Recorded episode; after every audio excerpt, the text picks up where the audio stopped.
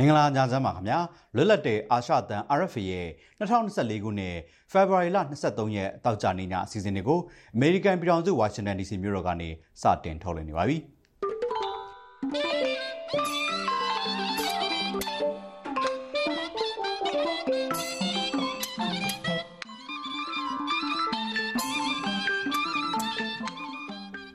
ကျွန်တော်ကရဲကောင်မြန်မာပါ ဒီကနေ့ညအစီအစဉ်မှာနောက်ဆုံးရသတင်းတွေနဲ့အတူထိုင်းနိုင်ငံကိုမြန်မာနိုင်ငံသားတွေဝင်ရောက်မှုများပြားလာတဲ့အတွက်အရင်ကားတဲ့တင်းတင်းကြပ်ကြပ်ဖမ်းဆီးစစ်ဆေးနေတဲ့အကြောင်းသတင်းဆောင်ပါနဲ့အခြားစိတ်ဝင်စားစရာအစီအစဉ်တွေကိုထုတ်လွှင့်မှုရှိပါတယ်။အခုအရင်ဆုံးသတင်းတွေကိုတင်ပြပါမယ်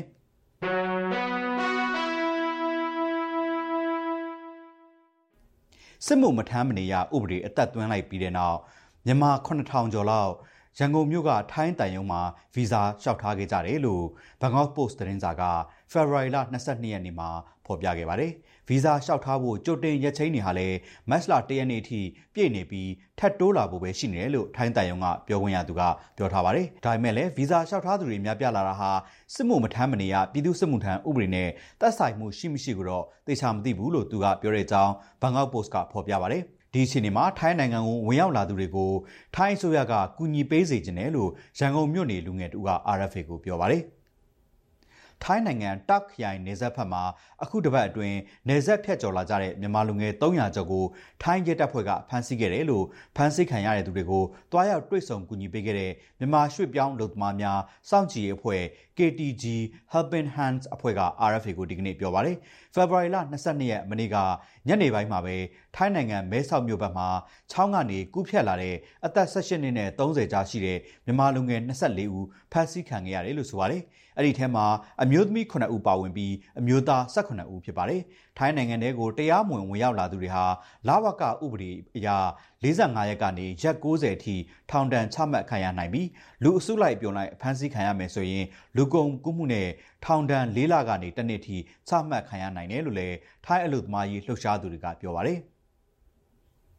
ထိုင်းမြန်မာနယ်စပ်တာချီလိတ်မြို့ဆန်ဆိုင်ကာကြီးရက်ကွက် 1G1 ဟိုတယ်အနောက်ဘက်မှာရှိတဲ့အွန်လိုင်းလောင်းကစားရုံတစ်ခုကိုစစ်ကောင်စီတပ်ဖွဲ့ဝင်တွေကဒီကနေ့မနက်တနာရီလောက်ကဝင်ရောက်စီးနင်းပြီးလူတရာကျော်လောက်ကိုဖမ်းဆီးသွားတယ်လို့တာချီလိတ်မြို့ကန်တွေက RFA ကိုပြောပါတယ်။အခုလိုဝင်ရောက်စီးနင်းခံခဲ့ရတဲ့လောင်းကစားရုံဟာလွန်ခဲ့တဲ့10နှစ်လောက်ကတည်းကဖွင့်လှစ်ထားတဲ့လောင်းကစားရုံဖြစ်တယ်လို့လုံခြုံရေးရအမည်ဖော်လို့သူတာချီလိတ်မြို့ကန်တူက RFA ကိုပြောပါတယ်။အဖမ်းခံရသူတွေထဲမှာမြန်မာနိုင်ငံသားဗဏ္ဍဦးတရုတ်နိုင်ငံသားဗဏ္ဍဦးနဲ့ထိုင်းနိုင်ငံသားဗဏ္ဍဦးပါဝင်နေဆိုတာကိုတော့လက်လောမသိရသေးပါဘူး။အခုလိုဖမ်းဆီးတာဟာလည်းပထမဆုံးကြိမ်ဖြစ်တယ်လို့လည်းဒေသခံတွေကပြောကြပါတယ်။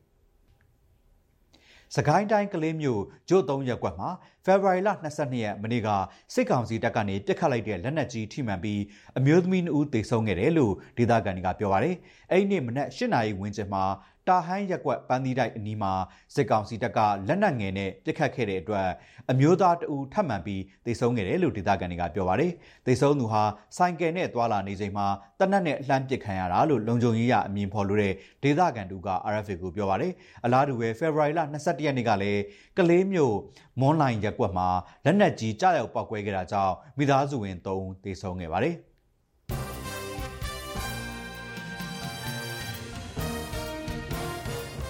သတင်းတွေကိုတင်ပြခဲ့တာပါ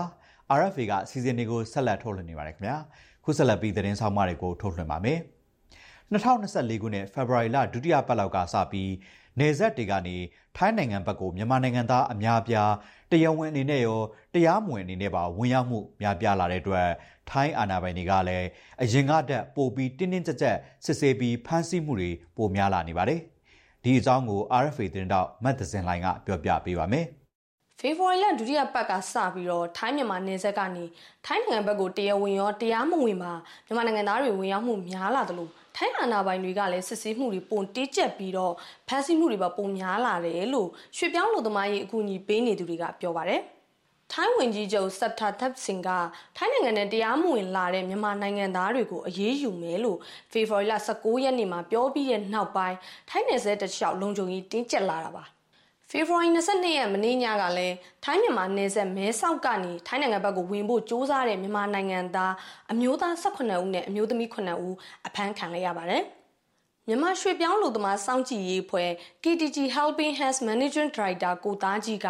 အခုရက်ပိုင်းထဲမှာတရားမဝင်ဝင်ရောက်လာတဲ့မြန်မာနိုင်ငံသားတွေဖမ်းဆီးခံရမှုများလာတယ်လို့ RFA ကိုပြောပါတယ်။ မဲဆောက်ကမနေ့တုန်းကညနေ၂၀ကျော်ဖမ်းတယ်။မနက်ပိုင်းစာရင်းတော့ကျနော်မရဘူး။၂၄ယောက်ပေါ့။ဆိုတော့ဒီနယ်စပ်တလျှောက်မှာအခုဒီရက်ပိုင်းကလုံးဝခိုးဝင်နေတာ။တောက်လျှောက်ခိုးဝင်နေတာ။ဒီဘက်မှာလည်းအထောက်အထားလုပ်လို့မရဘူးဆိုတော့နောက်ပြည်တွင်းထဲမှာလည်း passport တွေဘာတွေလုပ်ရတာလည်းခက်ခဲတယ်ဗျ။အဲဒါကြောင့်မို့လို့ဒီခိုးဝင်တာတွေပိုများလာတယ်။အဖမ်းခံနေရတာလည်းပိုများလာတယ်။နှစ်ပတ်အတွင်းမှာပဲထိုင်းနိုင်ငံတာ့ခရိုင်ထဲမှာတရားမဝင်မြန်မာနိုင်ငံသား300ခန့်ဖမ်းဆီးခံရတယ်လို့ဆိုပါတယ်။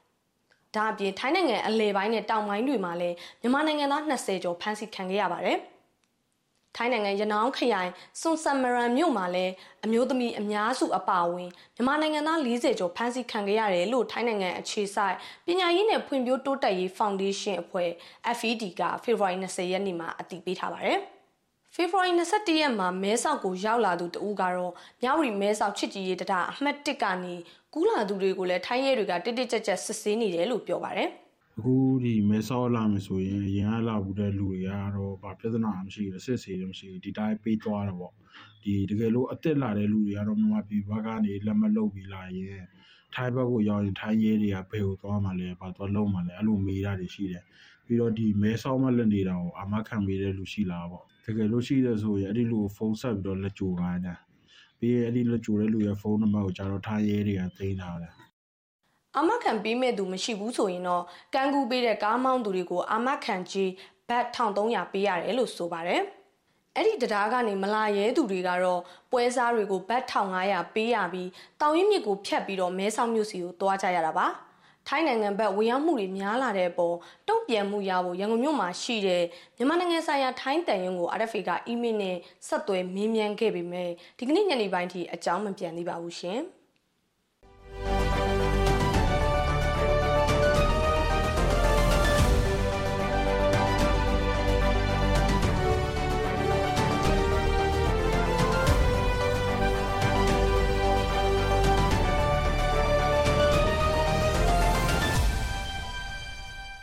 RFA ရဲ့အစီအစဉ်တွေကိုဆက်လက်ထုတ်လွှင့်နေပါတယ်။စစ်မှုမထမ်းမနေရဥပဒေကိုအတီးပြုတ်ပြီးခဲ့တဲ့နောက်ရန်ကုန်မန္တလေးမြို့ကြီးတွေမှာအဲဇင်းပိုစစ်တာတွေဖမ်းဆီးတာတွေရှိလာတယ်လို့ဒေသခံတွေကပြောကြပါတယ်။အဲဇင်းတိုင်ရတဲ့ပုံစံပြောင်းလဲလာတယ်လို့ပဲ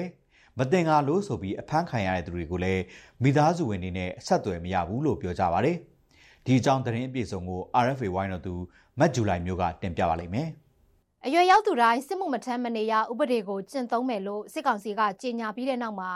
ရန်ကုန်နဲ့မန္တလေးမြို့ကြီးတွေမှာအစင်းစစ်တာဖမ်းတာတွေပိုရှိလာတယ်လို့စုံစမ်းသိရှိရပါတယ်။ဖေဖော်ဝါရီလ18ရက်နေ့ကရန်ကုန်တိုင်းခရမ်းမြို့မှာစေယုံလာဆောင်တဲ့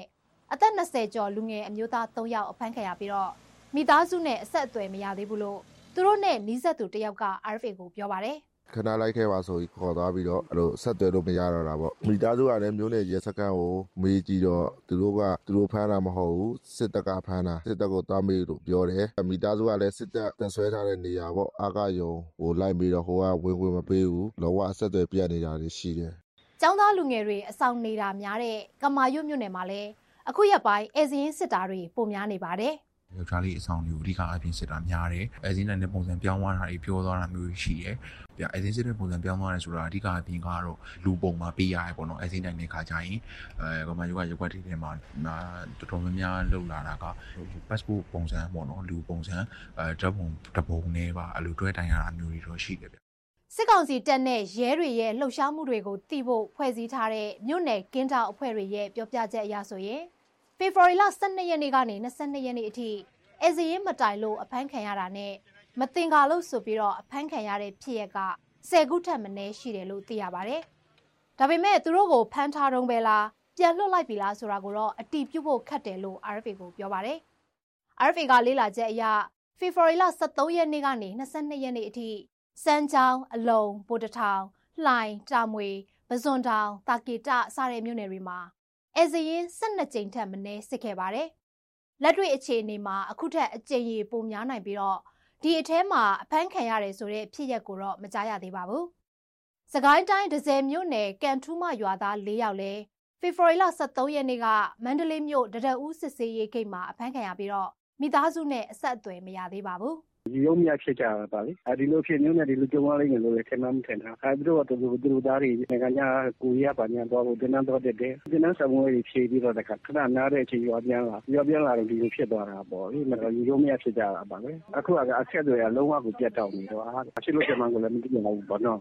မန္တလေးမြို့မှာလည်း အခြေခံလူဒန်းစားတွေနေတဲ့ရက်ွက်တွေမှာအစရင်ပိုစစ်လာနေပါတယ်။စကိုင်းတရားနာကဂိတ်နဲ့ မတရားမြို့နယ်ဘက်ကိုအထွက် စစ်ဆေးရေးဂိတ်တွေမှာလည်း အရင်ကထပ်ပို့ပြီးတော့တင်းတင်းကြပ်ကြပ်စစ်ဆေးလာတယ်လို့ပြောပါတယ်။အခုဆိုရင်ည၈နာရီနောက်ပိုင်းဘယ်သူမှအပြစ်မထွက်ကြတော့သလိုလုပ်ငန်းတွေလည်းစောစောသိမ်းကြတယ်လို့မန္တလေးမြို့ကန်တွေကပြောပါတယ်။စစ်ကောင်စီပြောခွင့်ရဗိုလ်ချုပ်စောမင်းထွန်းကတော့အများပြည်သူလုံခြုံရေးအတွက်ဆောင်ရွက်နေတာလို့စစ်ကောင်စီထိန်းချုပ်ထားတဲ့နိုင်ငံပိုင်မီဒီယာတွေကနေတဆင့်ဖေဖော်ဝါရီလ16ရက်နေ့ကပြောပါတယ်။အဲဇီရင်တိုင်ဖို့ပြက်ကွက်ရင်ထောင်ဒဏ်9ရက်ဒါမှမဟုတ်တန်ငွေ1000ပေးရမယ်ဆိုတဲ့အဲဇီရင်ဥပဒေကို စစ်တပ်အာဏာသိမ်းကြတဲ့ကပြန်ပြီးတော့ကျင့်သုံးနေပါတယ်ရှင်။ RFA ရဲ့စီစဉ်တွေကိုဆက်လက်ထုတ်လွှင့်နေပါတယ်။ခုဆက်လက်ပြီးဗီဒီယိုသတင်းဆောင်မတစ်ပုဒ်ကိုတင်ဆက်ပါမယ်။ချင်းပြည်နယ်ကထွက်တဲ့ထောပတ်သီးတွေကိုအရင်ကကလေးတမူလမ်းကနေပြီးတော့အိန္ဒိယနိုင်ငံဘက်ကိုတင်ပို့ခဲ့ကြပြီမယ်စိတ်ကောင်စီရဲ့ပိတ်ဆို့ကန့်သက်ချက်တွေကြောင့်အခုတော့ဖလန်းမြို့နယ်ကနေတဆင့်တင်ပို့နေကြရပါတယ်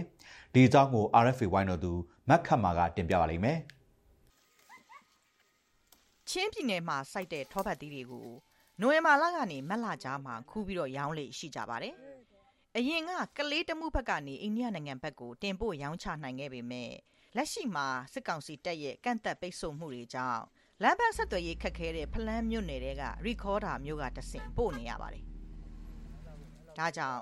အရင်ကထက်ကုန်ကြစရိတ်ပိုများပြီးတော့အမျက်သိမ့်မကြံဘူးလို့ ပွဲစားကြီးဦးအယ်လျန်က RFA ကိုပြောပါတယ်။ဝဲတဲ့နေရာဆိုဟိုဒီတဲကိုတန်စာတတောင်းငါးထောင်လောက်ကျတယ်နော်။မြက်တယ်နဲတယ်။ကလေးပို့ကလေးပို့ပဲဆိုရင်ဒီတအိတ်မှာ9000လောက်ပဲကျတယ်လေအဲ့ဒါဒီနေ့ကျတော့ဒီနေ့ကျတော့အများတော့တိတ်မများဘူး ထောပတ်သီးအရွယ်အစားပေါ်မူတည်ပြီးတော့အလုံး100ကနေ200ဝန်းကျင်ပါတဲ့ပီနံအိတ်တအိတ်ကိုငွေတသိန်းပေါက်ဈေးရှိတယ်လို့တောင်သူတွေကပြောပါတယ်အသက်15နှစ်အရွယ်မောင်ထန်ရှန့်နှုံဟာနိုင်ငံရေးအခြေအနေတွေကြောင့်ကြောင်းထွက်ပြီးတော့နေစားလောက်ခနဲ့ထောပတ်သီးခူးနေပါတယ်ဒီမှာတန်လီအခေါ်ကျွန်တော်ကတော့ခစ်မကောင်းတော့ ဟိုအစိုးရအကြောင်းတွေတက်လို့မရတော့လေးတန်းကနေကြောင်းလာလိုက်တယ်အခုကတော့ငွေရတဲ့နေရာတွေမှာတွားပြီးတော့ငွေရှာတယ်အခုကထောက်ပက်တီခူးတဲ့သူနောက်လိုက်ပြီးတော့အပင်မော်ကနေခူးပေးတယ်ဒီနှစ်မှာထောက်ပက်တီခူးတာရွာ9ရွာလောက်တွားပြီးတရက်ကို12000ရတယ်အသက်48နှစ်အရွယ်ဦးဆန်ရှန်လျန်းကတော့ခူးပြီးသားထွက်ပတ်သီးတွေကိုထမ်းပြီးတော့ပို့တဲ့အလုပ်လုပ်ပါတယ်။တော့ဒီတဲ့လုံးရှမ်စုံစုံတာ တောင်ရခုတ်တာလည်းပြီးသွားပြီ။တခြားဝင်ငွေရတဲ့ အလုံးမရှိတော့ထွက်ပတ်သီးခူးတဲ့နောက်ကိုလိုက်ပြီး ခူးပြီးသားအသီးတွေကိုတဲပြီးတယ်။တရက်ကို12000လောက်ပဲရတယ်။ကျွန်တော်တို့က တောင်ရအဓိကလုပ်တယ်။အချိန်တွေမှာ တောင်ရခုတ်တယ် ပန်းကော်ပြီးခင်းညီတီတွေစိုက်ပြီး တီးတိမ်မျိုးကို ရောင်းတယ် ဖလန်းနဲ့ တီးတိမ်မြို့နယ်တွေမှာ ထောပတ်တီအများဆုံးထွက်ပြီး ဒီရာသီမှာ အိတ်9000လောက် အိန္ဒိယကို ပို့လိုက်တယ်လို့နောက်ဆိုရင် ပို့ထွက်မယ်လို့ ပွဲစားကြီး ဦးယ်လျံက ပြောပါတယ် တော့တွားတဲ့နေရာမှာအာအများကြီးလောက်လောက်တန်တနစ်နနစ်3နစ်5နစ်5နစ်ကနေ5နစ်အနေတေးမှာပေါ့လေအဲ့ဒါကြောင့်အခုဒီနေ့ကနေ5နစ်4နစ်4နစ်ပေးအာငါတို့ချင်းတော်ကတော့ထောပတ်တီအများကြီးထွက်မှာထောပတ်တီဟာအပင်တက်တန်း9နှစ်ကနေ9နှစ်ကြားမှာအတီးတီးပြီးတော့အခုဆိုရင်ဒေသခံအများစုကြားမှာပို့ပြီးတော့စိုက်ပျိုးလာကြတယ်လို့တောင်သူတွေကပြောကြပါတယ်ရှင် ဒီစီစဉ်နဲ့ပဲတောက်ကြနေကြချမ်းအတန်လွင့်ချက်တွေကိုရန်နာခွင့်ပြုပါကြည့်ရှုနာဆင်တဲ့အတွက်လည်းကျေးဇူးတင်ပါတယ်ခင်ဗျာ